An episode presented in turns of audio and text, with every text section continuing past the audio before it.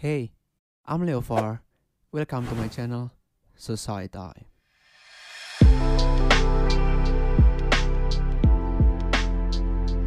Hello Society, welcome back to Society Time. Jadi hari ini kita kedatangan tamu spesial nih, Ko Hans Poling. Halo Ko, apa kabar? Halo halo, apa kabar? Baik-baik. Thank Ko you Hans, udah mungkin diundang. jadi uh, buat beberapa dari kalian mungkin yang belum kenal sama Ko Hans Poling, jadi kalau misal kalian ketik gitu ya di Instagram ya, atau mungkin kalian uh, malah lebih familiarnya dengan username Koko Kalori gitu ya. Jadi Kohan Soling ini salah satu bisa dibilang nutritionist yang di mana dia banyak banget ngebedah soal kalori makanan, uh, ngomongin soal kesehatan, ngomongin soal tips diet, ngomongin soal semua hal yang bersangkutan dengan konsumsi kita ya, ya which is makanan dan minuman. Itu uh, Koboling ini bener-bener udah rutin banget. Nah, Koboling ini mungkin bisa perkenalan singkat nih kok.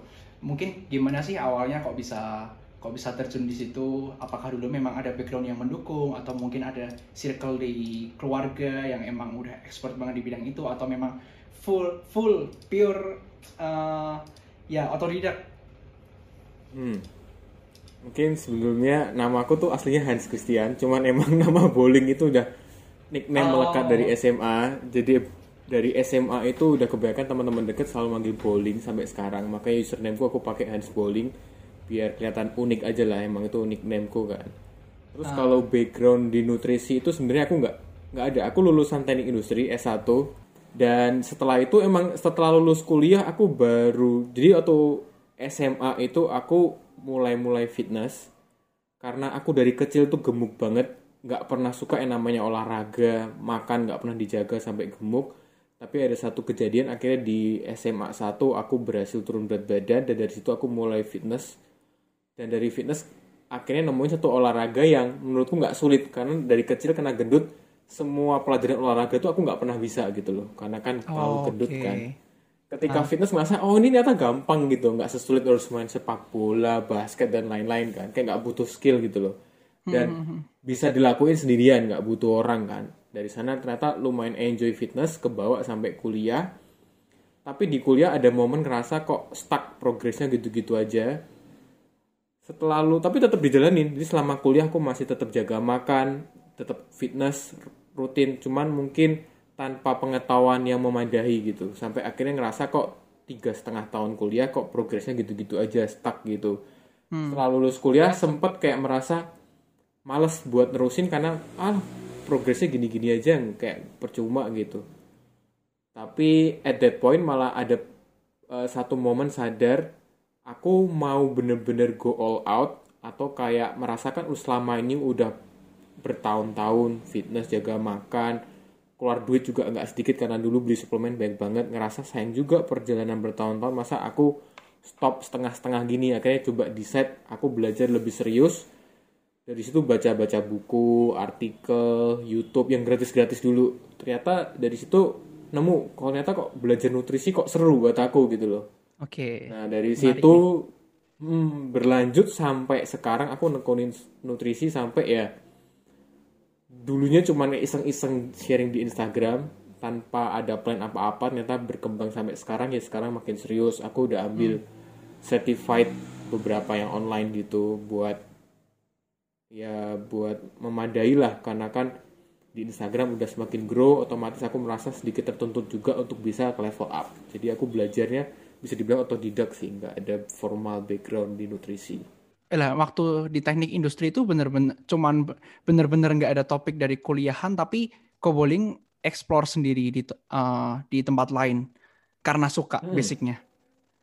Waktu kuliah itu tuh masih nggak terlalu. Waktu kuliah itu cuman kayak baca majalah-majalah gitu seadanya nggak terlalu niat gitu kan. Tapi merasain sadar waktu di kuliah tuh aku buang waktu bertahun-tahun tanpa pengetahuan yang benar itu progresnya sangat minim gitu loh. Akhirnya decide setelah lulus kuliah baru oke yuk belajar lebih serius di sini gitu. Nah, kalau ngomongin soal nutrisi nih kok, eh, lately kan kita kan lagi ada di kondisi yang sama, which is pandemic ini kan. Nah, ada orang yang udah aware soal gimana sih cara hidup sehat dari dulu, even nggak, even sebelum pandemic. Tapi ada beberapa orang tuh yang udah mulai mendewa-dewakan bahwa oh ini tuh penting banget loh hidup sehat. Kita tuh mesti minum vitamin, kita mesti ngejaga imun tubuh, kita mesti apa ya kayak semua itu mesti kita siapin dari sekarang karena apa? Karena kondisinya kayak gini. Jadi mungkin suatu hal positif uh, ketika kita lagi dihadapin hal apa namanya situasi yang kayak gini, orang-orang tuh jadi ini loh sepenting ini loh hidup sehat itu tuh. Hmm. Hmm. Nah, menurut Koboling uh, kan banyak banget nih orang yang mereka sadar bahwa loh aku tuh sehat karena kalau uh, kita ngelihat teman-teman kita ataupun mungkin keluarga kita, banyak orang tuh yang even positif aja mereka nggak kelihatan gitu loh. Nah, gimana hmm. kita tahu diri kita itu ada di fase sehat atau nggak sehat? Karena kadang-kadang kita nggak bisa hmm, hmm. ngerasain itu, ya nggak sih? Hmm. Sebetulnya sih kalau definisi sehat itu uh, bukan hanya gini banyak orang masih mungkin salah pengertian kurang tepat menurutku ya pribadi. Mereka menganggap kalau mereka nggak sakit-sakitan tuh mereka sehat gitu loh. Padahal definisi sehat nggak secetek itu juga. Bukan berarti kalau kita nggak sakit sekarang itu badan kita sehat. Karena kan kebanyakan orang yang memilih untuk nggak menjaga makan nggak mau rutin olahraga karena merasa dirinya sekarang oh aku sehat-sehat aja karena dia ngerasa nggak badannya nggak sakit-sakitan. Padahal kan pola makan dia mungkin kurang sehat itu develop akan overtime mungkin efeknya nggak akan terlihat sekarang tapi mungkin a few years uh, ke depan uh, ketua makanya banyak sakit-sakitan sampai ya diabetes penyakit jantung dan lainnya itu kan kayak penyakit yang umum ya di orang-orang usia tua gitu kan. Itu mungkin karena udah terbentuk habit lifestyle dari muda yang emang nggak pernah ngejaga pola makan nggak pernah olahraga karena merasanya dulu nggak sakit-sakitan aku ya sehat-sehat aja gitu loh. Dan emang mungkin kalau belajar melihat sisi positifnya dari pandemi ini walaupun ya emang masa sulit hidup gaya hidup sehat kan jadi dapat sorotan lebih gitu loh. Karena emang di mana-mana WHO dan lain-lain organisasi itu menunjukkan bahwa untuk bisa survive di pandemi ini kita punya im, perlu imun tubuh yang baik dan salah uh, untuk bisa dapat imun tubuh yang baik ya jaga pola makan, rutin olahraga. Karena emang terbukti orang yang rutin berolahraga 150 menit per minggu itu secara studi punya daya imun yang lebih baik daripada orang yang nggak pernah olahraga. Itu kan studinya pun juga ada. Jadi tadi kalau bisa dibilang definisi sehat itu salah satu faktornya biasa ya, nggak gampang lemes, nggak gampang ngantuk, merasa lebih energetik, terus punya merasa strength yang kadang kan orang kok dikit-dikit loyo terus kok aduh ngangkat apa kayak lemah nggak kuat. Jadi emang mungkin secara kilas mata nggak kelihatan mana yang sehat mana yang enggak kalau soal orang-orangnya sama-sama nggak sakit. Tapi kalau diteliti pasti kelihatan kok. Orang yang kalau drowsy siang-siang lemes-lemes itu pasti pola makannya kurang oke. okay. Terus kayak kok loyo nggak kuat orang yang sehat itu pasti moodnya juga pasti ngefek jadi emang indikator-indikatornya tuh ada banyak sih kalau mau dilihat secara detail ya. Orang ini sehat atau enggak. Mental sendiri itu juga berpengaruh salah satu aspek yang mungkin emang lately aku lumayan singgung-singgung dikit karena sehat itu nggak cuma fisik tapi mental itu juga penting banget untuk diperhatiin gitu. Nah, oke, okay, uh, eh, kalau kita ngomongin soal healthy lifestyle gitu ya, kok sesuai tadi yang udah dibilang sama Ko Bowling, nggak cuman selain selain fisik kita yang sehat, kita mesti punya mindset yang sehat, kita mesti punya uh, sesuatu hmm. yang positif yang bisa kita yang bisa bikin kita kayak ya terus terus ngerasa fresh, terus ngerasa wah gila aku produktif banget nih ngerasa ini ini. Nah, kalau kita ngomongin hmm. soal healthy lifestyle, culture-nya itu sendiri, itu tuh sebenarnya ada indikasi enggak sih? Ada indikator tertentu enggak sih semisal orang yang punya healthy lifestyle itu orang yang tidurnya jam 12 malam Orang yang mungkin punya healthy hmm. lifestyle itu orang yang mengkonsumsi karbohidrat sekian ataupun mungkin uh, minimal satu hari protein sekian. Nah, indikator-indikator kayak gitu tuh menurut Koboling tuh apa aja sih dalam healthy lifestyle ini? Uh, mungkin jadi ada piramida nutrisi itu by Eric Helms orang luar gitu dia bikin. Uh, tapi ini di, di bidang nutrisi ya dia ada nutri apa piramid untuk bidang olahraga juga ini aku mau bahas nutrisi dulu. Paling bawah piramida paling besar itu sebenarnya energy balance, uh, kalori intake-nya. Itu paling sederhananya kita perhatiin itu dulu. Setiap orang kan pasti punya kebutuhan kalori masing-masing beda-beda. Kamu sama aku aja saya pasti beda gitu kan. mungkin sehat yang baik itu ketika kita mengkonsumsi kalori yang seimbang ibarat nggak terlalu berlebihan nggak terlalu sedikit tergantung dari goal masing-masing kalau mau maintain berat badan ya disesuaikan sama asupan kalori Tergantung kita kegiatan berapa. juga ya kok. Ya betul. Nah kebanyakan orang yang nggak sadar ketika mereka nggak memperhatikan hal ini tuh ternyata mereka surplus kalori. Jadi mungkin piramida paling basic itu itu apa energy balance, kalori in, kalori out.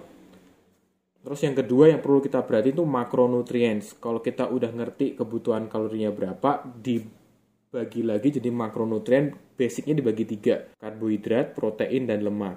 Jadi itu harus balance protein tuh biasa kalau yang pertama kita lihat kebutuhan proteinnya dulu karena sering kali terutama di Indonesia juga salah satunya asupan protein masyarakat pada umumnya itu di bawah average di bawah yang seharusnya gitu loh.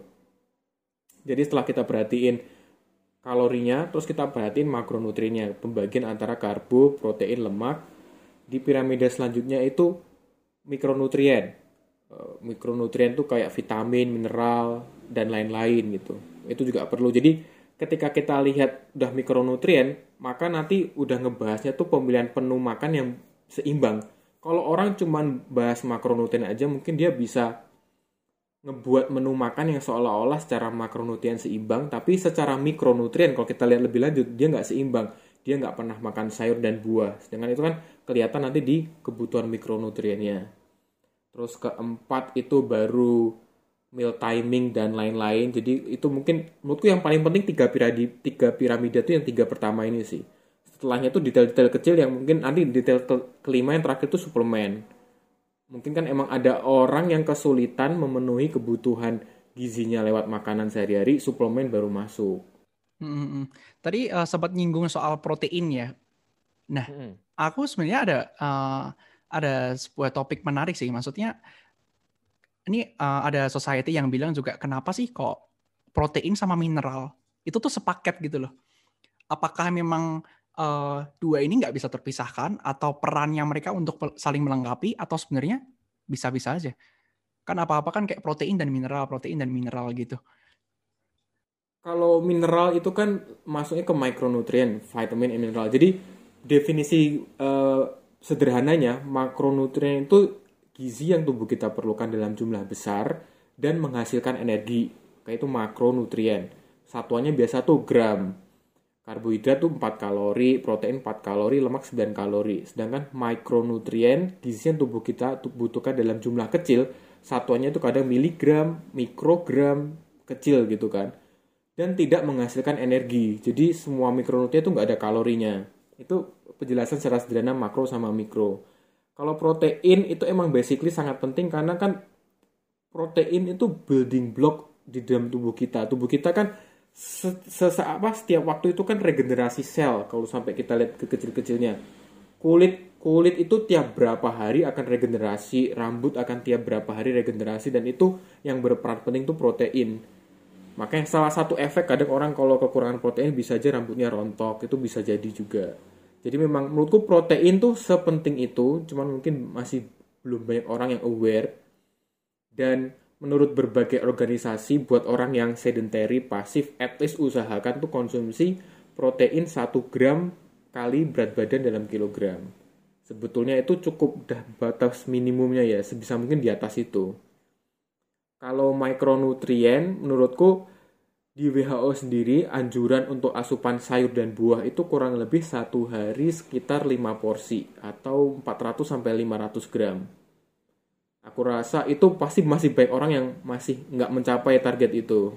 Tinggi juga ya standarnya. Iya. Tinggi. Sayur tuh kurang lebih sekitar 300 sampai 350 gram. Buah 150 sampai 200 gram per hari. Saran dari WHO ini. Untuk memenuhi selain vitamin mineral tuh untuk serat juga. Karena serat itu juga penting. Nah, eh, kalau masih masih di topik yang sama ya protein ya. Mm-mm. Eh, makanan yang mengandung protein yang bisa kita konsumsi setiap hari yang itu tuh bener-bener bagus. Ada nggak sih makanan yang protein yang kita bisa konsumsi sewaktu-waktu kapan aja kita bisa makan itu? Maksudnya Hmm. atau ada beberapa makanan yang mengandung protein yang oh ini nggak bisa nih kalau terlalu banyak.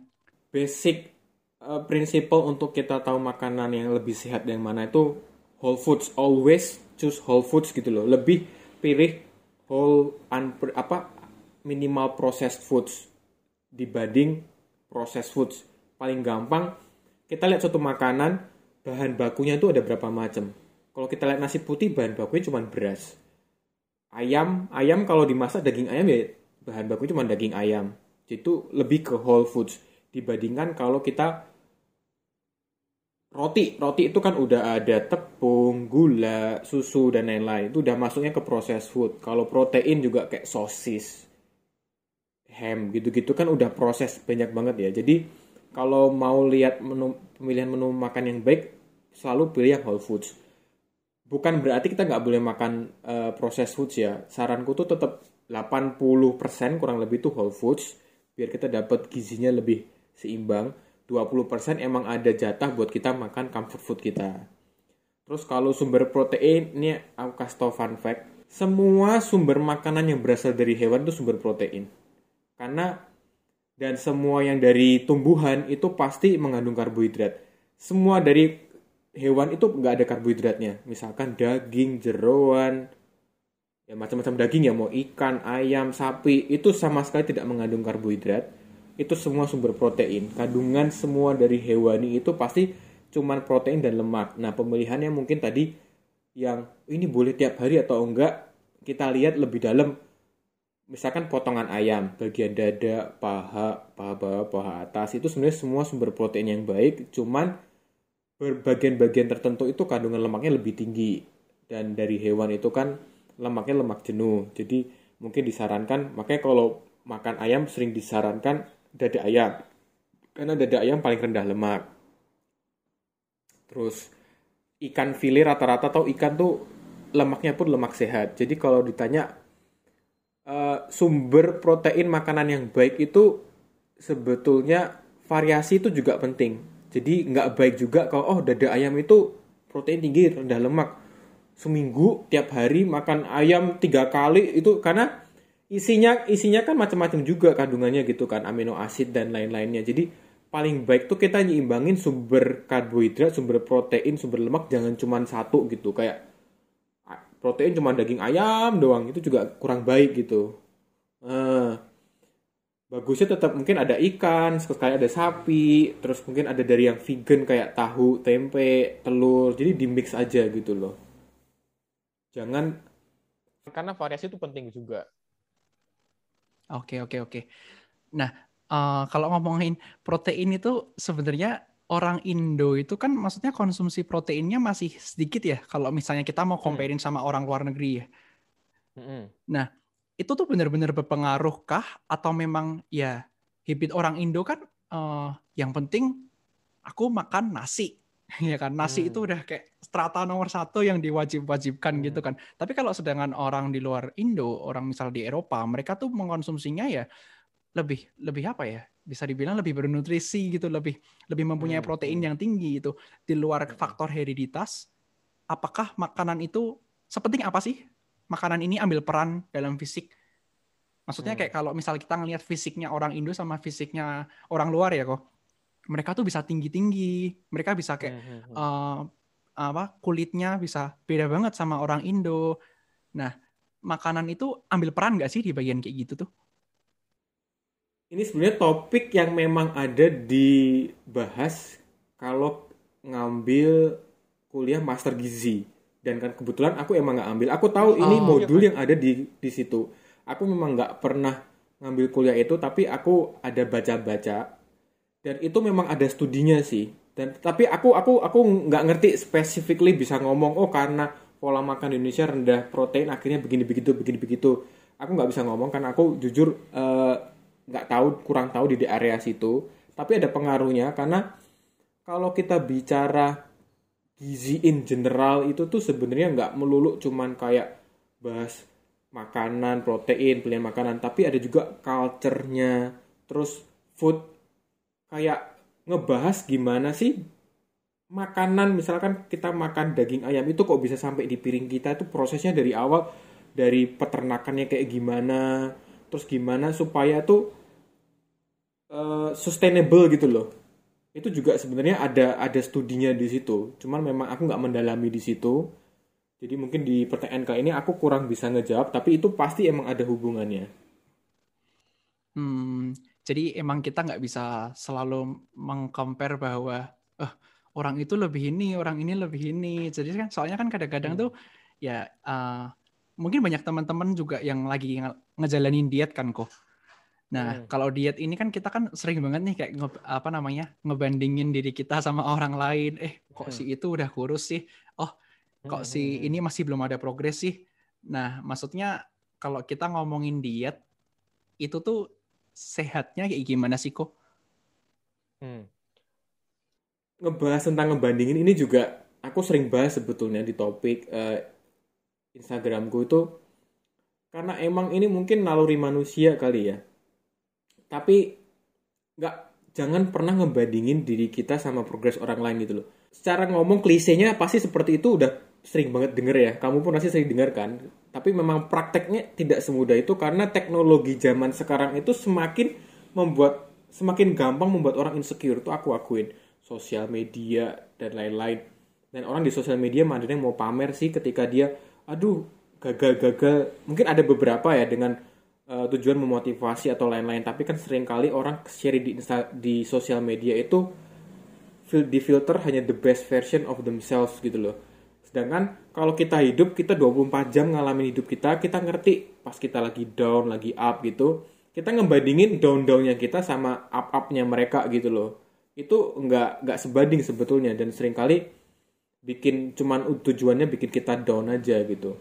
Jadi satu kalau mau diet sehat nggak usah bandingin diet orang lain seperti apa, cukup eh, bandingin progres kita sama yang sebelumnya kayak gimana. Karena perjalanan diet pola hidup sehat itu enggak cuman ketika kita turun berat badan. Kebanyakan orang berlomba-lomba untuk turun berat badan secepat mungkin, sebanyak mungkin. Tapi mereka lupa itu cuman first half of the race gitu loh. The second half tuh gimana kita nge-maintain berat badan tersebut. Enggak banyak orang bisa mampu turun berat badan 20 kilo terus bisa nggak selama lima tahun ngejaga berat badannya di angka tersebut? Kebanyakan orang tuh pasti balik mental apalagi orang-orang yang suka diet ekstrim ya. Makanya sering kali disebut namanya diet yoyo. Turun ekstrim nanti nggak nggak nggak nggak sustainable dia nggak bisa konsisten balik lagi naik. Nanti insecure bla bla bla pengen turun berat badan diet lagi ekstrim lagi. Dan kalau kita ulang berulang kali ini tubuh kita bakal ngalamin namanya metabolic adaptation metabolic itu bakal ngerusak metabolisme kita lah singkatnya itu sangat-sangat aku nggak pernah saranin ke orang-orang yang tanya ke aku jangan pernah diet ekstrim. Oh mungkin patokan untuk turun berat badan yang sehat. Dari berbagai uh, buku yang aku baca idealnya tuh kita turun berat badan 0,6 sampai 0,8 persen per minggu. Nah kalau kita udah ada angka persen kita nggak perlu ngebandingin angka kita sama angka orang lain kan karena berat badan awalnya kan sudah pasti beda. Karena ini persentase gitu loh. Maksimal itu satu persen per minggu. Itu untuk orang yang obes-obes kadang bisa 1,2 persen. Tapi kalau kita berat badan yang tergolong normal 0,6 sampai 0,8 itu udah sehat bagus gitu loh. Cuman kan emang kebanyakan orang merasa udah turunnya kok cuman sedikit sedikit padahal itu yang sehat itu yang bener gitu loh. Nah, karena yang susah itu kan nge-maintain ini kalau misalnya digrafikin itu nggak terlalu banyak apa namanya nggak terlalu banyak Hmm. uh, perbedaannya tapi yang penting itu ya udah Hmm. kita segini tapi kita kayak ya udahlah kalau naik naik ya naiknya dikit kalau turun ya turunnya Hmm. bisa dikit nggak yang bener-bener ekstrim naiknya banyak turunnya Hmm. banyak nah mungkin beberapa teman-teman di sini juga ngerasain bahwa aku tuh diet susah banget ya tapi kenapa aku nggak tahu kenapa kok aku tuh gampang banget ya naik badannya ya nah itu tuh sebenarnya tuh bener Hmm. ini kan aku sering banget nih denger teman-temanku juga ngomongnya Hmm. kayak gitu kan kok nah itu tuh sebenarnya bener atau sugesti Eh, tubuh kita itu kan up to 65 sampai 70% itu kan air. Jadi berat badan kita day to day bahkan fluktuatif 2 sampai 3 kilo itu sangat-sangat normal. Jadi misalkan kita nimbang hari ini sekian kilo, besok lu kok naik 1 kilo, besoknya turun 1 kilo. Itu totally normal karena tubuh itu eh, weight weight what apa berat air aja yang fluktuatif naik turun gitu loh. Dan in some extreme cases uh, water retention itu bisa sampai berminggu-minggu bahkan berbulan-bulan. Faktornya banyak. Ada orang yang eh, tentang sodium sama kalium itu kan dua mineral yang berpengaruh untuk menstabilkan kadar air dalam tubuh kita. Kalau kita konsumsi sodium terlalu tinggi, ada sebutan bloating, itu tubuh kita bakal ngikat lebih banyak air. Efeknya bisa terkesan berat badan kita kok naik cepet gitu. Padahal kita karena asupan konsumsi lebih so, apa hormon kortisol juga kalau kita stres itu bisa menyebabkan tubuh mengikat lebih banyak air. Jadi banyak faktornya kenapa berat badan kita kok terkesannya naik turunnya ekstrim. Nah, cara yang baik sebenarnya lihat berat badan jangan day to day tapi week to week. Misalkan hari 1 sampai hari ke-7 kamu nimbang usahakan selalu di kondisi dan jam yang sama. Idealnya pagi setelah dari kamar mandi, timbang. Bandinginnya jangan hari 1 sama hari 2 sama hari 3. Bandinginnya tuh hari 1 sama hari 7 di rata-rata, dibandingin lagi sama minggu keduanya gitu. D8 sampai D14 di rata-rata. Itu pasti akan lebih stabil apa perbandingannya gitu loh. Sedangkan kalau hari per hari pasti grafiknya gini-gini kan. Tapi kalau kita tarik minggu satu, minggu dua itu pasti angkanya nggak akan lari se ekstrim itu. Dan nggak mungkin instan juga kan kok. Misalnya besok hmm. mau turun 5 kilo, hari ini mau turun 3 kilo gitu ya hmm. harus melalui proses yang bisanya kita lihat ya berbulan-bulan ataupun mungkin berminggu-minggu gitu kan. Iya. Ya mungkin kalau ngomongin soal diet itu menurut menurut aku personally diet itu nggak nggak susah sih sebenarnya Cuman yang susah hmm. itu ngejaga konsistensinya itu sih. Hmm. Gimana kita bisa stabil di angka itu. Maksudnya kalau semisal uh, misal nih aku ada target nih mau beratnya 75 gitu. Ya udah, hmm. udah tercapai. Nah, justru yang susah itu kayak next-nya gitu loh. Gimana sih cara hmm. maintainnya ini? Nah, hmm. ada nggak sih kok kayak uh, tips and trick cara memaintain berat badan kita dengan mudah? Misalnya kayak hmm. kalau semisal aku nggak mau olahraga, ya berarti aku harus ngurangin makan ataupun mungkin aku tapi nggak bisa ngurangin makan. Ya udahlah aku mau nambah olahraga ataupun mungkin ya udahlah aku pengen tidurnya uh, teratur. Nah kayak gitu kayak gitu tuh ada nggak kok hmm. maksudnya kan ada beberapa hal yang mesti kita korbanin ada beberapa hal yang kita mesti kayak uh, tambahin gitu kan. Hmm. sebelum ke sana mungkin aku lebih mau ngebahas mindsetnya dulu. Kebanyakan orang tadi kayak kamu bilang kan ketika mereka membayangkan oh aku mau turun 10 kilo dalam dua bulan dua bulan itu sebetulnya short term goalnya dia kan. Jangka pendek itu dua bulan itu sebenarnya pendek. Kebanyakan orang ketika membayangkan yang short term goal tuh motivasinya merasa oke okay, aku bisa karena cuma dua bulan. Ketika udah tinggal sebulan turun 5 kilo oke okay, tinggal sebulan lagi tinggal sebulan lagi. Udah sisa seminggu oke okay, tinggal seminggu lagi. Mereka bisa ngepush mereka untuk karena oh aku cuma dua bulan kok. Tapi ketika udah selesai dua bulan mereka menganggapnya oke okay, aku udah capek garis finish. Selesai. Mereka merasa udah boleh nge-reward sendiri diri sendiri balik ke pola makan yang lama. Wah nggak karuan nggak dijaga. Itu yang sering terjadi karena mereka hanya berpikiran jangka pendek temporary doang. Jadi saranku ketika ingin mengubah suatu pola makan atau olahraga jangan ngebayangin kita hanya ngelakuin untuk sementara aja aku biasa langsung tanya secara ekstrim sih kamu kalau mau menjalankan suatu diet yang apalah terserah bayangin kamu ngejalanin diet itu seumur hidup kamu sanggup nggak? Mungkin sebelum ke seumur hidup aku suruh bayangin, kamu jalanin setahun. Setahun itu udah tergolong lama kan? Kamu bisa nggak jalanin diet itu selama setahun gitu loh. Kalau kamu merasa nggak bisa ngejalanin diet itu selama setahun, jangan pakai pola diet itu gitu loh. Cari pola diet lain lagi. Diet itu sebenarnya nggak se-strict itu. Emang cuman kadang ketentuan-ketentuan suatu pola diet tertentu yang ngasih strictness ke apa ketentuan gitu kan. Tapi aku tuh suka ya, ngejalanin Uh-uh. Dan ngejalaninnya tuh yang fleksibel gitu loh, nggak harus sekaku itu kok. Kecuali kamu ada kondisi medis ya, diabetes harus kurangi kondisi gula itu emang udah otomatis. Tapi kalau kita nggak ada kondisi medis, ya udah kayak be fleksibel.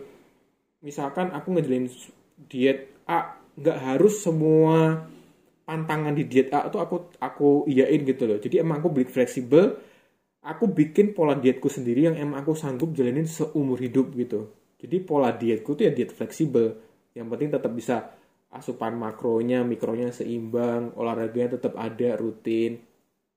Jadi kalau bisa jalanin selama uh, seumur hidup, nanti ketika udah mencapai goal kan kita nggak akan keber, gak, akan kesulitan gitu loh.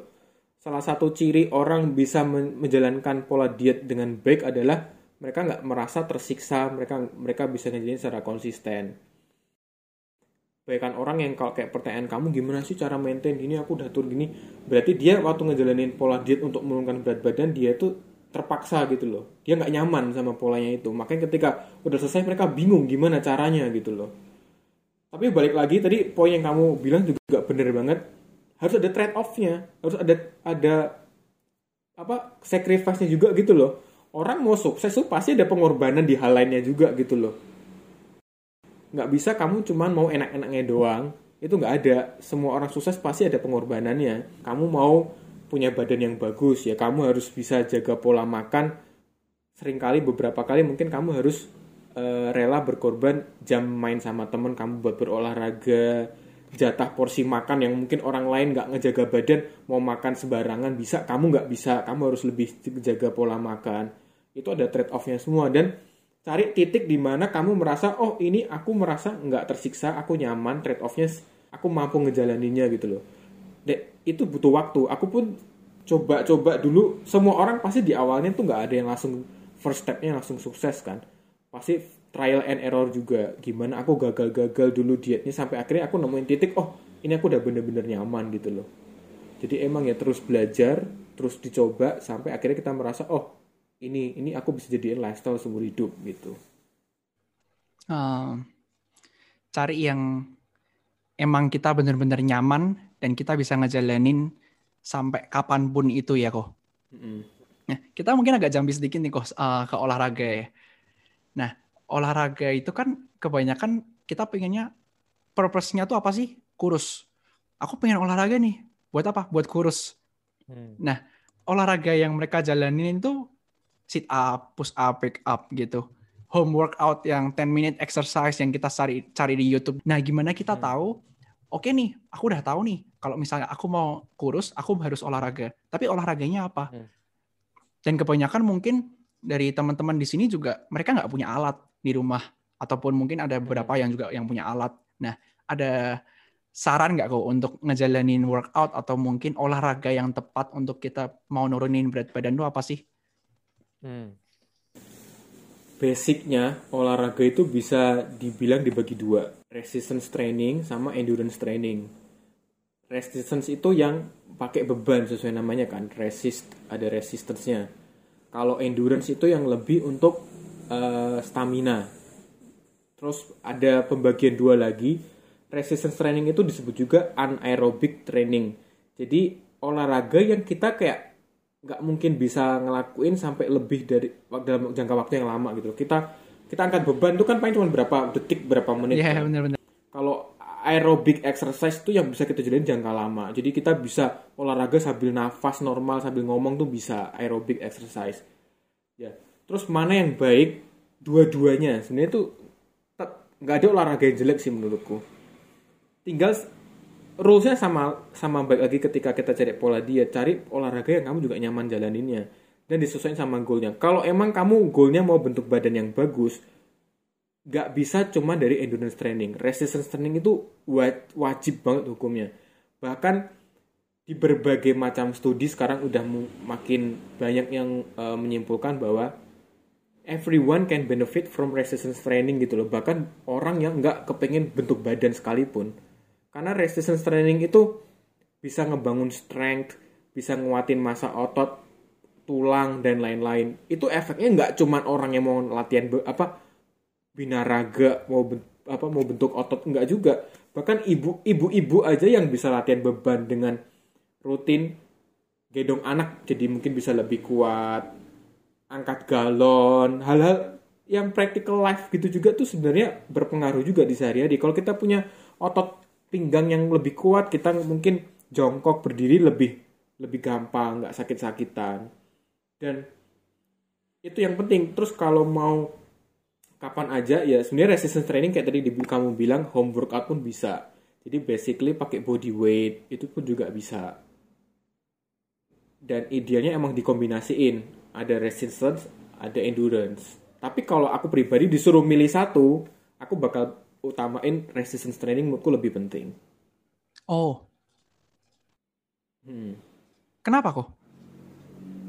Karena menurutku benefitnya lebih lebih apa in general lebih lebih bagus buat kita gitu loh. Hmm. hmm, hmm, hmm Oke. Okay. Soalnya uh, banyak juga yang bilang, eh aku nggak mau ah latihan leg day ya, aku nggak mau ah nanti kakiku kayak suike gitu, aku nggak mau ah latihan latihan ini, ntar aku apa namanya tangannya ntar kayak gini, ya kan? Ya aku cuma mikir kayak, ya kan nggak secepat itu ya, maksudnya kayak dengan kita angkat beban Iya. langsung kebentuk. Ju- Jujur, kalau boleh belak-belakan ngomong, orang yang ngomong gitu pasti itu excuse. Itu tuh bukan dia nggak mau. Dia nggak sanggup, dia nggak apa. Itu itu banyak lah. Salah satu mungkin orang denial, orang excuse bilang nggak mau. Please, bikin otot itu bukan hal yang sangat mudah gitu loh. It takes years gitu loh buat bentuk otot. Jadi nggak mungkin kamu leg day sekali otot kayak kaki kayak Svike itu impossible gitu loh. Iya, iya, iya. Ya orang eh, ya beberapa mungkin nganggapnya kayak gitu. Jadi mereka mulai meng- eh, malah justru yang aku tahu ya, mungkin di circleku itu tuh banyak kan mereka menghindari resistance training kok. Mereka lebih suka kayak ya udahlah jogging, ya udahlah apa namanya? Mungkin beberapa kegiatan-kegiatan yang eh, yang emang bukan bukan mau memperlihatkan kan fokusnya mereka kan untuk menjaga stamina kan. That's why mereka lebih ke endurance kan. Nah, tapi makanya itu sebuah insight yang unik sih. Ternyata Kobolin lebih suka yang resistance daripada endurance gitu. Tapi ada efeknya nggak kok kalau misalnya kita rutin resistance? Karena personally aku juga lebih prefer ke yang resistance ya. Karena ya aku aku ngerasa bahwa resistance itu nggak munafiknya lebih kelihatan. Misal aku mau uh, chest day gitu, ya udah lebih kelihatan bentuknya tuh lebih posturnya lebih terjaga gitu. Ya mungkin karena purposeku aku pengen menjaga uh, postur tubuhku biar kelihatan bagus gitu ya. Tapi kalau misalnya stamina mungkin lebih ke lari ke situ. Kalau misalnya aku resistance tanpa memperdulikan soal endurance, is it okay? itu hal yang bakal kamu it's, it's, it's okay actually tapi better kalau kamu ada endurance makanya itu kamu bakal sering temuin kalau orang-orang yang emang fokusnya bodybuilding itu kan mereka hanya bener fokus olahraga yang ngebentuk badan mereka itu kamu ajak mereka latihan kardio mereka pasti benci mereka nggak suka gitu loh itu pasti ba- banyak banget dari mereka yang emang lemah kardionya gitu karena emang mereka nggak ngelatih endurance-nya kan. Dan terus buat orang yang hanya endurance tanpa memperhatikan resistance eh, body komposisi kita itu mungkin gambarnya dibilang lean body mass sama body fat. Jadi masa otot dan masa lemak yang gitu satu-satunya cara untuk kita bisa menjaga atau menaikkan lean body mass tuh hanya dengan resistance training. Nggak bisa pakai endurance training.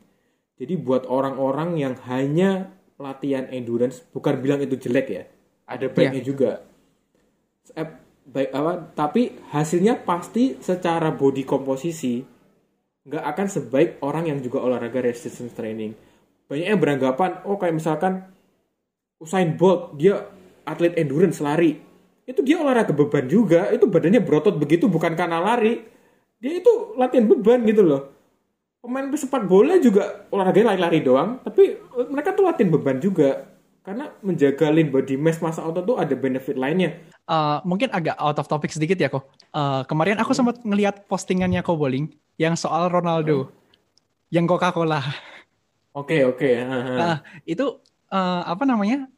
Emang se ekstrim itu ya kok Ronaldo tuh. Tapi jujur sih aku Iya. ad- admire ini orang bener-bener kondisi tubuhnya prima Yes. banget sih. Se Yes. se-fit itu sih. Emang se ekstrim itu ya kok dia. itu ada testimoni dari lain kalau eh, waktu zaman dia MU karena kan aku fans berat MU ya dan MU garis keras nih. sempat dia sempat ngundang Patrice Evra ke rumahnya buat lunch habis latihan loh habis training Ronaldo ngundang Evra buat lunch di rumahnya buat Evra itu dia nggak ngejaga pola makan yang sampai se ekstrem Ronaldo tapi di lunchnya tuh makannya tuh yang kayak cuman dada ayam sayur yang bener-bener clean banget gitu loh. Dan setelah makan itu tuh masih diajak Ronaldo latihan lagi sama dia. Evra itu sampai itu Evra ngomong di interview kan di talk show sampai dia bercanda kalau Ronaldo ngajak kamu makan di rumah ya jangan pernah mau gitu loh. Karena emang Ronaldo itu se-strict itu dan emang terbukti Ronaldo itu kan one in a million one in ten million person mungkin ya. Aku akuin nggak nggak nggak setiap orang bisa hidup se-strict itu. Tapi satu Ronaldo bisa konsisten di situ jadi nggak masalah buat dia gitu loh. Dia dia berarti kan enjoy dengan pola makan seperti itu ya udah nggak apa-apa gitu. Ya dia dia suka gitu loh. Dan emang ada orang yang emang enjoy dengan hal, -hal seperti itu karena emang dia ngerti dia kan mungkin top 0,01 persen orang di dunia kali jadi emang Iya, emang sangat wajar kita bisa ngelihat hasil yang sehebat dia karena emang trade off-nya dia banyak banget ayo bayangin dia sampai nggak minum Coca-Cola orang mampu nggak kayak, kayak kayak dia gitu loh makanya dia bisa dapat hasil yang kayak pengorbanan dia tuh jauh lebih besar yang orang nggak lihat gitu loh Ya he deserve it lah. Makanya dia jadi atlet Iya. yang bener-bener mungkin top one, one, of the best gitu loh one of the Iya. best. Wah parah sih. Mungkin gini deh, kalau kita ambil contoh cowok, mungkin lebih gampang untuk nge-push cowok latihan beban. Yang susah itu kan cewek kan. Iya. Nah, biasa cewek, wah yang yang jadi body goalsnya kan model-model gitu. Mereka mungkin nggak tahu eh, model-model Victoria's Secret lah, model-model apa, itu pun mereka latihan beban gitu loh. Mereka anggapannya, wah yang penting diet badannya bisa begitu. Itu nggak bakal achievable kalau mereka nggak latihan beban gitu. Itu pun mereka latihan beban, tapi kan memang disesuaiin bebannya level resistance-nya kan beda dong antara cowok sama cewek gitu loh. Dan muscle fiber cowok sama cewek sendiri pun beda. Jadi ketika cewek latihan beban sama cowok latihan beban, efeknya di tubuh pun juga akan berbeda gitu. Buat cewek yang bisa jadi kayak kodok-kodok gitu tuh rata-rata mereka pakai bantuan hormon gitu loh. Ada ada injection ke mereka supaya mereka bisa menghasilkan badan seperti itu. Naturally cewek sangat sangat sangat sulit untuk bisa mendapatkan otot seperti cowok gitu loh. Jadi buat cewek itu ya mungkin menurutku jujur pribadi kalau mereka berani jujur itu excuse aja karena emang mereka nggak doyan gitu, mereka nggak nggak nyaman, nggak suka True, true, resistance training. Hmm. Oke. Oke, eh, kok jadi kan kemarin kan aku sempat eh, buka Q&A itu kan yang di Society Time. Hmm. Dan ini ada beberapa teman-teman yang nanyain juga sih. Dan ini bakalan aku bacain beberapa yang mungkin eh, kalian mau tanyain ke Koboling. Oke. Eh, ini ada yang nanya nih, eh, bisa nggak sih nurunin berat badan? Eh, itu kan berat- nurunin berat badan kan dengan defisit kalori. Kalau mau memaintain doang tapi nggak perlu defisit gimana? Kalau mau makan normal kayak biasa, nggak dalam porsi berlebihan tapi nggak defisit juga. Itu tuh cukup nggak sih buat nge-maintain tubuh kita? Ya itu, itu hukum keseimbangan energi. Jadi kalau kayak dia cari dulu kebutuhan kalori dia berapa, TDEE-nya ya kan. Jadi kalau kita mau maintain, ya kita konsumsi sesuai dengan TDEE tadi itu. Ibarat tuh TDEE anggap kayak budgetnya kita gitu loh. Kalau kita mau turun berat badan, ya kita pak kalori masuknya harus di bawah budget. Jadi akhirnya kita eh, kalori defisit tu- tubuh turun berat badan. Kalau kalori surplus kebanyakan eh, kelebihan energinya kan tubuh kita simpan cadangan energi berupa lemak. Kalau kita mau maintain ya itu kita konsumsi sesuai kebutuhan kalori kita berapa. Jadi nggak ada yang sisa, nggak ada yang kurang. Tubuh kita akhirnya ya ber- berat badannya maintain. Oke, ya itu guys. Jadi kita mesti tahu dulu nih kebutuhan kalorinya kita berapa, baru kita bisa menyesuaikan itu dengan diri kita sendiri. Karena mungkin kalau kita, eh, kalau mungkin dari Koboling ngasih tips A gitu, mungkin is it works? Nggak tentu gitu loh. Karena kan tiap orang kan Hmm. kebutuhan kalorinya juga beda-beda kan. Ya, Iya, gitu sih. Terus eh, ini ada pertanyaan selanjutnya nih. Ada nggak sih olahraga yang bisa dilakuin sambil mantengin laptop? Olahraga yang sambil mantengin laptop. Ini mungkin eh teman-teman society itu pekerja keras semua ya yang kayak ah, ada waktu nih, nggak ada waktu di depan laptop Hmm. ngurusin kerjaan, ngurusin kuliah. Basically kita berolahraga tubuh kita gerak kan. Nah kamu ngebayangin aja, bisa nggak kamu gerak tapi sambil doing something di laptop? Kayaknya kayaknya nggak praktikal juga loh. Biarpun ada kayak nggak praktikal gitu. Ya better gini, kalau kalian gini tipsnya mungkin ya, kalau kalian nggak bisa spend time langsung sejam olahraga, cicil aja 15 menit, terus kalian do something else. Ntar ada waktu lagi 15 menit ya olahraga lagi 15 menit. Kan olahraga nggak harus sejam langsung olahraga enggak juga gitu loh kamu bisanya 15 menit pagi 15 menit siang 15 menit sore ya nggak apa-apa dapat 45 menit gitu kan nggak harus langsung gebrek kamu hajar 2 jam sejam olahraga kan nggak harus juga gitu Iya iya benar benar benar. Kalau gitu nggak malah kalau kayak gitu malah stamina-nya juga bisa ke recharge dulu nggak sih kok? Malah istirahatnya kehitungnya lama gitu loh, nggak harus yang satu jam harus. yang kerjaan di depan laptop atau yang kuliah anak kuliah di depan laptop bosen kadang kan pasti jenuh dong udah berapa jam di depan laptop 15 menit off kan olahraga apa kayak push up atau apa itu kan lumayan loh refresh juga kan kamu rehat dari laptop juga ntar kayak ngerasa udah cukup balik lagi ke laptop ntar sejam dua jam olahraga lagi lagi 10-15 menit better than nothing gitu loh Hmm, hmm, hmm, hmm. Iya bener sih. Ya jadi eh, udah banyak banget ya guys dapat info dari Koboling soal healthy mindset and healthy lifestyle ini tuh gimana kita cara memaintainnya, gimana kita tahu diet mana sih yang terbaik buat kita. Nah mungkin sebelum kita menutup ya kok, eh, ini aku kayak ada games gitu, eh, intermezzo sedikit lah. Eh, Oke, judulnya oke, gamesnya oke, True or oke. False. Jadi eh, ini ada beberapa dari society juga itu mereka nggak tahu nih ini tuh fakta nggak sih gitu loh. Cuman kayak sering denger aja gitu. hmm, hmm. Jadi mungkin nanti dari Koboling juga Hmm. bisa ta- tanggepin dengan ngejawab true or false gitu. oke Nih, oke, pernyataan pertama, uh, suplemen diet itu sehat. True or false? Nah, ini gray area sih. Jujur ini ini nggak bisa dibilang true or false. Kalau Oh. ngomong sehat lo ya. Hmm, Karena ini aku rasa gini loh, orang bikin suplemen diet itu pasti udah ada research ya, nggak mungkin orang goblok yang bikin suplemen diet. Itu mereka untuk bisa dapetin kalau di Indonesia BPOM lah, di sananya kan luar negeri macam-macam ya, untuk dapet apa halal bla bla bla. Itu itu nggak gampang. Jadi sebetulnya tuh suplemen diet, oke aku bilang true sih, sehat sih sehat. Cuman cara pemakaiannya dan sering kali tuh orang-orang yang menjual suplemen tersebut yang kurang tepat gitu loh. Pemakaian Komunikasinya. suplemen dietnya. Eh, suplemen dietnya dipakai tadi kayak aku bilang piramida itu ya. Piramida kan kelihatan kebutuhan apa keseimbangan energi, makronutrien, mikronutrien, meal timing. Ke, paling kecil piramida paling kecil itu suplemen. Suplemen itu gunanya untuk melengkapi.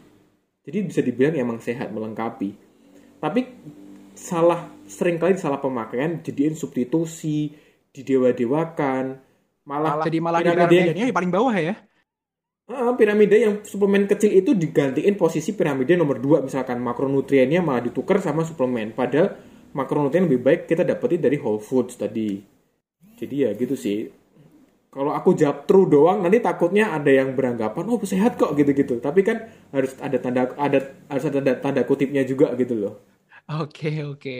iya Oke, ini terakhir nih kok. Nggak ada makanan sehat yang enak. false False. Kenapa kok? tergantung cara cara penyajiannya cara masaknya juga aku pernah Ah, Eh, kalau di Jakarta pernah nyobain kan sekarang banyak tuh kayak eh, master chef master chef yang buka restoran yang emang healthy foods gitu itu lebih ke cara penyajiannya cuman memang makanan yang dalam kutip sehat itu sering kali kan identiknya kan tanpa minyak tanpa garam padahal tuh nggak harus. Nggak harus makanan sehat itu seperti itu. Definisi makanan sehat itu apa sih? Luas banget definisinya gitu loh. Kalau buat aku tuh makanan bernutrisi, bergizi, dan kita bisa mendapatkan makanan bergizi dengan yang enak gitu loh. Makanan sehat itu nggak berarti kita nggak boleh pakai minyak, boleh kalau kita pakai minyak yang sehat dan cara penyajiannya bener nggak di deep fried gitu misalkan. Dan eh, buat aku pribadi bahkan sampai at the point aku udah punya lifestyle, aku kalau makan yang kayak misalkan terlalu sering makan junk food kelamaan aku nggak nggak bisa, aku bakal kangen makan makanan yang dalam kutip tak makanan sehat gitu loh. Aku Iya, lebih bisa sustainable makan seperti itu kan udah jadi lifestyle kan. ya Dan benar-benar. kalau pinter ma- pinter masaknya tuh masih bisa enak gitu loh. Oke, eh, t- terakhir nih, kok bener-bener terakhir nih. Ini dari aku nih tiba-tiba kepikiran. Kalau semisal ada makanan yang eh, yang bakalan bikin koboling tuh nyesel banget kalau ini di ban. Istilahnya kayak ini makanan nggak boleh di ban. Aku nggak bisa kalau aku nggak makan Hmm. ini. Apa kok? Kalau versi koboling. Ini beneran ya, my most favorite food buah mangga. Buah mangga. Serius, aku Oke. aku sehari pas musim mangga, aku bisa makan sehari tuh setengah kilo sampai sekilo mangga loh. Aku bisa makan dalam sehari. Anak aku segitu doyannya. Dan aku emang ketika musim mangga, porsi nasiku aku kurangin jauh demi aku ada spare makan mangga. Sumpah. Aku segitu doya, aku segitu doyannya makan mangga beneran. Tapi buah ya kalau udah jadiin smoothies atau apa-apa aku nggak doyan. Tapi mangga itu serius, mangga rumanis, mangga gedong, mangga mana lagi. Yang manis ya kalau mangga kecut aku nggak doyan. Tapi aku sedoyan itu sama mangga. Enak banget serius mangga. Eh, kalau Eh sama nasi makanan- putih sih. Oh, nasi putih. oke. Aku Kalau juga nggak bisa. Lauk kok. Aku lauk nggak ada sih apa ya? Emang kalau lauk, emang kamu ada contoh misalkan? Aku ada sih rendang. Aku bener-bener suka maksudnya- banget sama oh, rendang. Oh, oh, masakan yang udah jadi gitu Iya, ya? eh, masakan yang udah jadi gitu. Bukan bahan utama untuk masak sebuah makanan gitu, Hmm. bukan kok. Iya sih nasi padang itu cheat meal favoritku sih. ya nasi nasi padang in general ya. Kalau kalau kalau rendangnya doang hilang mungkin masih oke lah, masih ada yang lain-lainnya gitu, masih enak gitu kan. Ayam Tapi nasi dan lain-lain. Nah, aku heran sama orang yang bilang nggak ada nasi padang. Itu aku heran setengah mati. iya. Sama-sama Nggak bisa nggak ada yang nasi padang gitu loh. Itu enak Bener, banget bener, nasi padang gitu loh.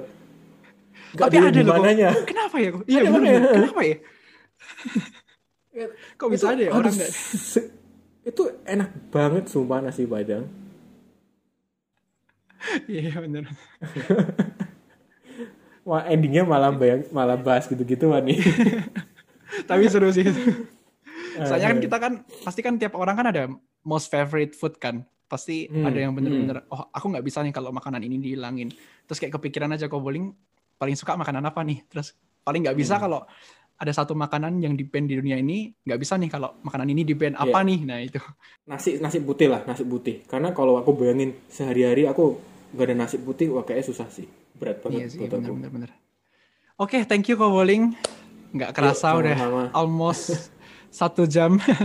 thank you udah Hmm. nyempetin waktunya di tengah pandemi ini. Ya semoga kita berharap pandemi ini cepat berakhir dan Amin. teman-teman dari society juga bisa beraktivitas normal dan kita bisa comeback lagi lah istilahnya tahun depan Hmm. ataupun mungkin akhir tahun ini kita bisa menjalani semuanya dengan normal tanpa masker bisa Amin. enjoy our daily life, their activity, our daily activity dengan normal. Oke, thank you Koboling buat waktunya. Thank Tadi you. Thank you. Thank you. Semoga suka sama cookies Oke. yang aku kirim tadi. Tadi sip, aku kirim bakal ke dicoba. Koboling. Oke, Iya. itu cookiesnya by the way dari Love Cake. Kalau semisal dari Society Oke. juga penasaran, klik Hmm. link below. Ini aku cantumin. Oh ya. Sip, Oke, sip. thank you Koboling. See you next Yeah, time. Thank you Faro. And See thank you you. Society. See you on the next episode. Bye-bye. Bye.